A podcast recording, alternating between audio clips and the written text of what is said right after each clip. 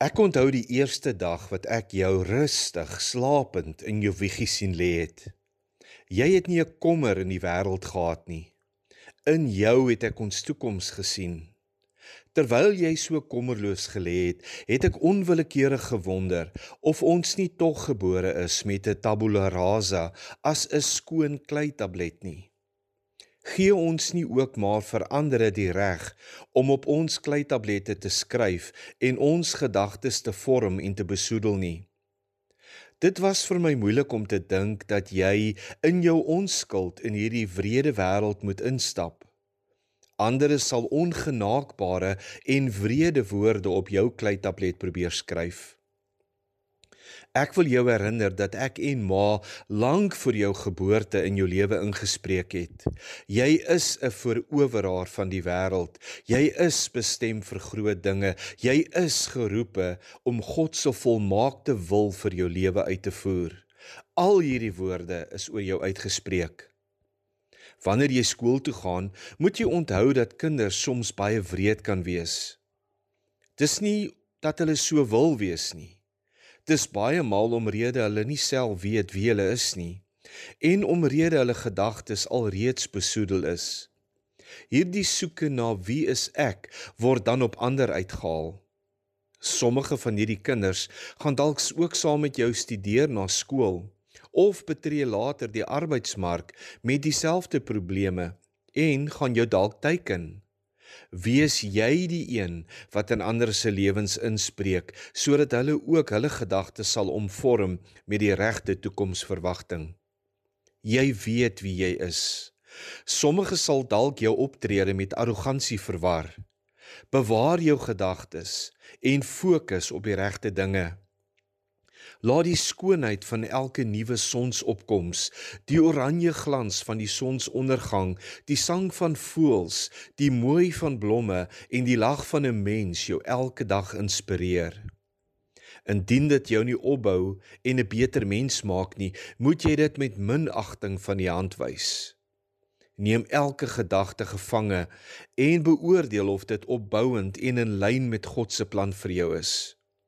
Onthou dat jy verantwoordelik is vir dit wat jy dink en dat jy die regisseur van die rolprent in jou gedagtes is. Vandag wil ek jou verseker, jy bly my seun ten spyte van. Dit maak nie saak watter foute jy gemaak het of gaan maak nie of wat jy in jou gedagtes toegelaat het nie. Ek sal nooit my rug op jou draai nie. Nie een van ons is perfek nie. Niemand is sonder sonde nie, maar die deurslaggewende faktor is dat ons nooit bly lê nie, dat ons opstaan en die lewe in die oë kyk. Dis menslik om foute te maak, maar dit gee ons nie vrywaring om aanhoudend dieselfde foute te maak nie.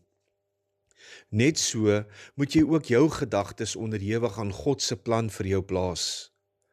Dalk het jy vandag skuldgevoelens, dalk oor iets wat jy dink nie vergewe kan word nie. Dalk voel jy verpletterd. Dalk het die gifgedagtes jou so aangeval dat jy voel jy is niks werd nie. Dalk het jy gevra vir vergifnis, maar sukkel jy om te vergeet. Onthou, Jesus het vir al ons sondes gesterf. Hy het selfs aan die kruis vir diegene vergewe wat hom gespot en vermoor het. Moenie dat negatiewe vriende en ander jou gedagtes besoedel met hulle opinies oor jouself nie. Jy ken nie hulle motiewe nie en jy weet nie hoe hulle gedagtes vervorm is nie. Moenie persone wat dit die minste kan bekostig toelaat om vir jou raad te gee of opinies oor jou uit te spreek nie. Jy gaan eendag ook 'n gesin hê.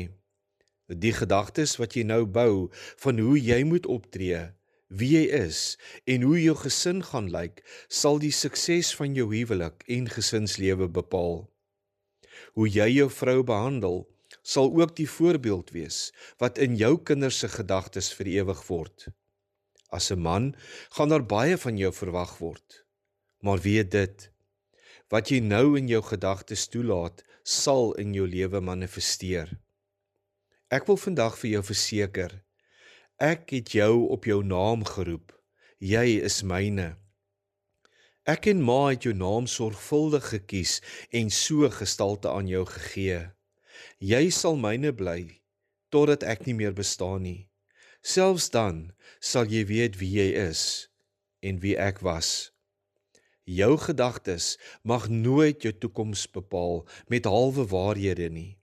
Jou emosies mag nooit die barometer wees waarin jy jouself meet en hoe jy gaan reageer nie.